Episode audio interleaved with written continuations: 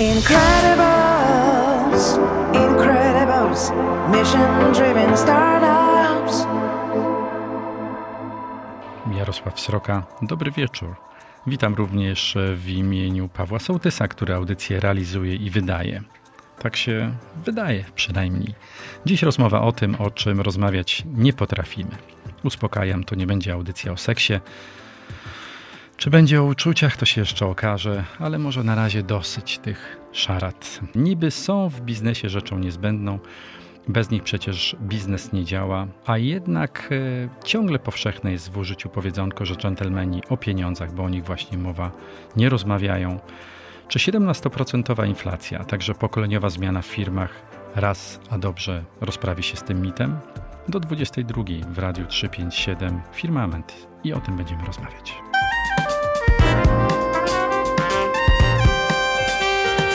Firmament. Nasi goście, dr Zofia Łapniewska, współprzewodnicząca Polskiej Sieci Ekonomii Uniwersytet Jagielloński. Dobry wieczór. E, Michael albo Mik Kuczkiewicz, menedżer, trener i konsultant z wieloletnim doświadczeniem w zakresie, w zakresie wynagrodzeń, jest w drodze do nas. Pędzi motocyklem przez Warszawę, więc liczymy, że w każdej chwili może do nas wpaść. Domyślam się, czym Państwo zarabiacie na życie, ale trudno mi się domyśleć, za co Karol wystawia rachunki. Karol Kapuściński, dyrektor sprzedaży strategicznej w No Fluff Jobs. Co to Dobry takiego? Od razu do, do, odpowiedzi wywołany, więc opowiem krótko. Od e, ponad 15 lat współpracuję z pracodawcami e, przy publikacji ogłoszeń o pracę. Najpierw e, na portalu pracuj.pl, potem w innych miejscach i teraz w NoFluff Jobs, y, jedynym polskim portalu z ofertami pracy, który publikuje wszystkie ogłoszenia z widełkami wynagrodzeń, więc y, chyba stąd moja obecność uzasadniona. No i wszystko jest jasne w tej sytuacji. Zweryfikujmy zatem kilka popularnych powiedzonek w ramach rozgrzew rozgrzewki. Mowa jest srebrem, milczenie złotem. Dżentelmeni o pieniądzach nie rozmawiają, pieniądze lubią ciszę i tak dalej, i tak dalej. Dlaczego tak bardzo nie lubimy mówić o pieniądzach? Co w tym złego? Myślę, że to bardziej pytanie do psycholożki czy psychologa niż e, ekonomistki, którą ja jestem, ale e, Chciałabym powiedzieć, że też nawiązać może do tej sytuacji te różnic pomiędzy kobietami i mężczyznami. Jednak jest tak, że e, w Polsce kobiety zarabiają mniej, wychodzą od razu na wejściu z niższej siatki płac, dlatego tak ważne jest to, co robi kolega, gdyż tutaj też może pomóc w przyszłości dyrektywa Unii Europejskiej. E, to, żeby wiadomo było, czego możemy się spodziewać już na wejściu. I później, jak gdyby w, w trakcie e, naszej pracy na rzecz przedsiębiorstwa otrzymujemy podwyżki, ale jeżeli już od początku mamy te płace niższe, no to czy też osoby, które słabiej negocjują, to niezależnie od płci, no to w przyszłości też e, mniej zarabiają. Zofio, o ile dobrze rozumiem, kobiety też nie lubią, ale w tej sytuacji muszą, skoro mniej zarabiają. O tych otóż to, rozmawiać. Otóż to. I często były też takie badania w przeszłości, które e, kobiety też e, uzasadniały, były takimi strażniczkami patriarchatu, jak my to mówimy, czyli uzasadniały to, że mężczyźni zarabiają więcej tym, że są głowami rodzin, że faktycznie powinni otrzymywać wyższe wynagrodzenia. No ale co z kobietami, które same są samodzielnymi matkami, co z, też z kobietami, które są głowami rodzin, faktycznie utrzymują e, rodziny. Także tutaj też to jest taka dosyć dziurawa um, argumentacja.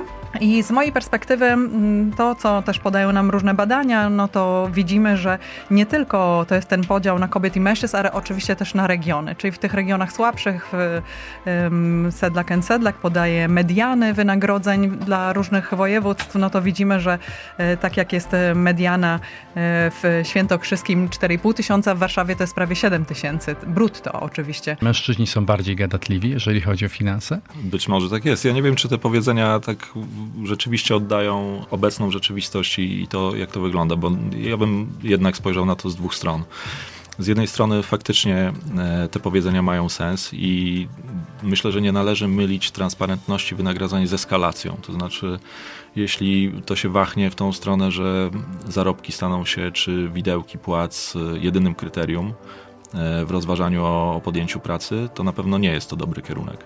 Natomiast z drugiej strony, patrząc przez pryzmat rekrutacji, tempa rekrutacji i też takiego elementarnego, wydaje mi się, partnerstwa w tym procesie, bo tu się dużo zmieniło na pewno, E, zupełnie inna była, rozmawialiśmy o tym przed wejściem na antenę, e, kiedy sytuacja, kiedy my wchodziliśmy na rynek pracy przy wysokim bezrobociu, na przykład ponad 20 czy 20%, gdzie samo dostanie się na rozmowę rekrutacyjną było e, już wielkim i to był sukcesem. ten rynek pracodawcy. I to był ten rynek pracodawcy. To się bardzo mocno zmieniło. Dzisiaj jesteśmy w innej rzeczywistości. Mamy do czynienia z innymi pokoleniami i są badania różnych portali, które pokazują, mówię o portalach pracy, które mówią o tym, że yy, i to jest trywialne z jednej strony, ale bardzo oddaje rzeczywistość. Mamy stuprocentowy odsetek sytuacji, kiedy albo kandydat, albo rekruter był sfrustrowany w tym ostatnim momencie rekrutacji, kiedy nie akceptowali swoich warunków finansowych, jeden bądź drugi co powoduje dużo perturbacji, bo po pierwsze rekruter poświęca czas i kandydat poświęca swój czas. Procesy dzisiaj są długie, a, często to ostateczne kryterium to, to kryterium zarobkowe. Więc publikacja widełek wynagrodzenia może nam ułatwić ten proces, bo skoro na koniec dnia okaże się, że i tak nie chcemy przyjąć tej pracy, bo to jest 2, 3, 5, 500 zł za mało wobec naszych e, oczekiwań i kompetencji, oczywiście ważne, żeby one były adekwatne do naszych oczekiwań, no to po co w ogóle aplikować? I, my stoimy na tym stanowisku, że po to powinny być widełki, aby ułatwiać, a nie, żeby tylko wymuszać coś na pracodawcy. Mig dojechał do nas z piskiem okon. O, opon, witamy cię serdecznie. E, chciałeś się odnieść? Tak, chciałem jeszcze się odnieść do, do kwestii tej transparentności, dlatego że, że myślę, że jest to kwestia bardzo często kulturowa. Dam kilka przykładów. Kiedyś prezes nowo nominowany Banku powiedzmy Zachodniego przyjeżdża do Polski, pracował już naszą firmą w swoim kraju i, i jak tylko przyjechał tutaj, to poprosił o spotkanie i powiedział mi, że jedną z jego ambicji to jest wywiesić listę płac, ale nie tylko na zasadzie widełek, tylko wszystkie wynagrodzenia w jego firmie. Więc ja mu to odradziłem, bo powiedziałem w kraju jego pochodzenia, nie będę podał jaki to kraj, bo, bo, bo nie ma dużo banków z tego kraju, więc za, za łatwo byłoby to odkryć, ale powiedziałem, że, że, w Polsce raczej nie będzie to dobrze przyjęte. Na początku oczywiście tak, bo każdy jest ciekaw, ile zarabia szef, a szef szefa ile zarabia, tak. No. Um, jeszcze, jeszcze jako dowód tego, um, i to jest raczej z dziedziny też kultury, um, kiedyś klient holenderski w Polsce powiedział: My mamy współczynnik poufności wynagrodzeń. Aktualnie wynosi on dwa piwa. Kiedyś wynosił trzy piwa, ale dzisiaj sytuacja się trochę zmieniła i dwa piwa wystarczą. No. Tylko, żeby podkreślić, że o ile widełki płac powinny być jak najbardziej publiczne, tak? Publiczne w sensie wewnętrznym firmy, tak? Chociaż jest oczywiście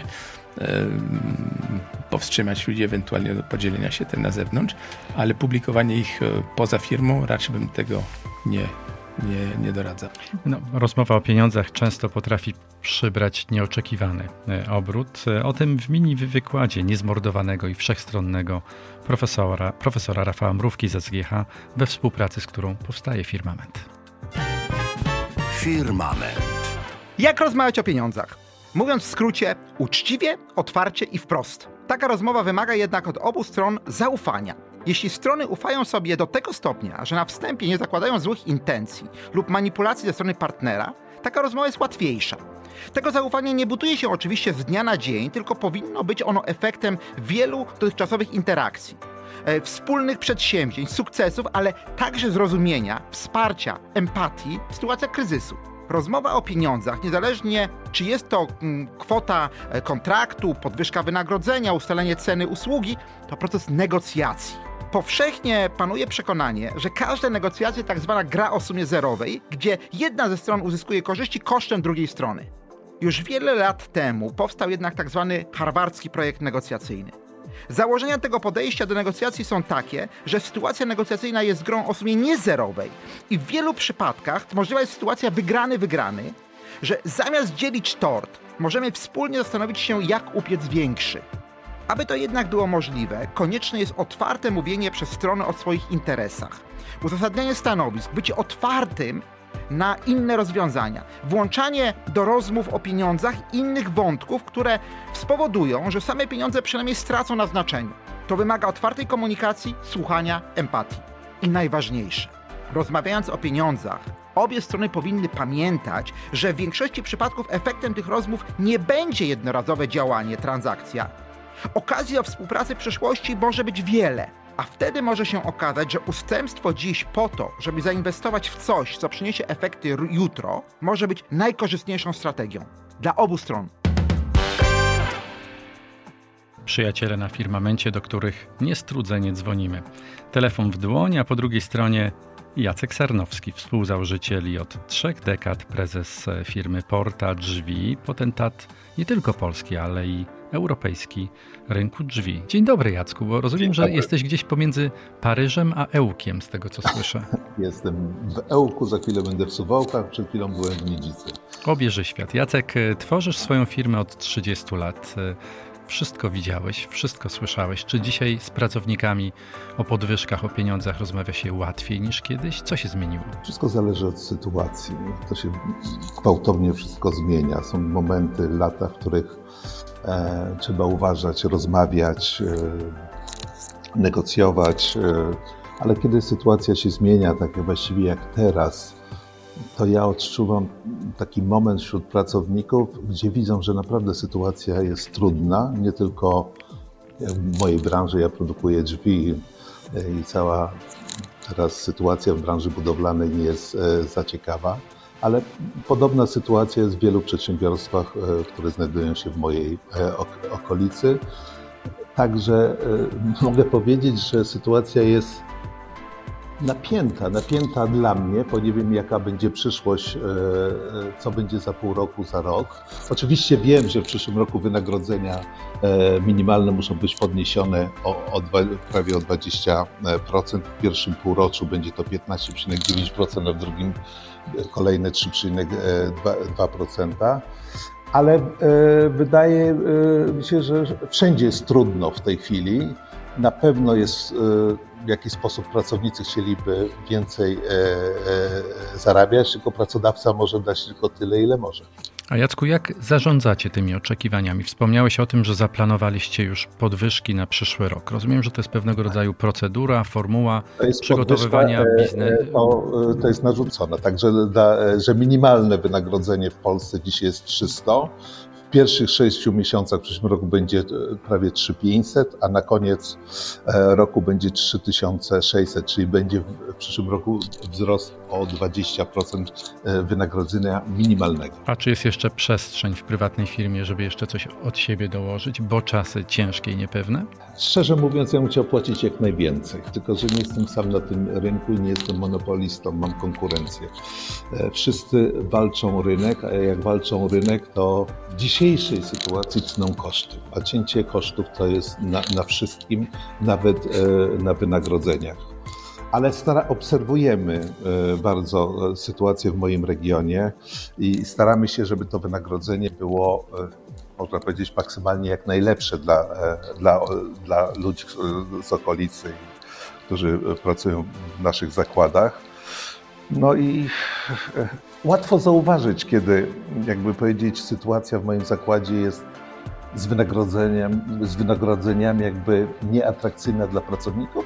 To jest moment, kiedy zwiększa się odchodzenie pracowników. Bardzo szybko pracownicy, jakby powiedzieć, orientują się, niby wynagrodzenia są tajemnicą, ale wiemy tam, gdzie dwóch, tam nie ma e, tajemnicy, e, wszystko wiedzą, wszystko analizują, wszystko obserwują. No i e, pracownik też w jakimś stopniu jest bezwzględny. I przychodzimy, przepraszam, rozmowa jest bardzo krótka, u Pana ja mogę zarobić tyle, a tam mogę zarobić tyle. I niektórzy po prostu e, patrzą na tak zwaną żywą gotówkę. Jacek Sarnowski, Porta Drzwi. Jacku, dziękujemy bardzo za rozmowę. Dziękuję.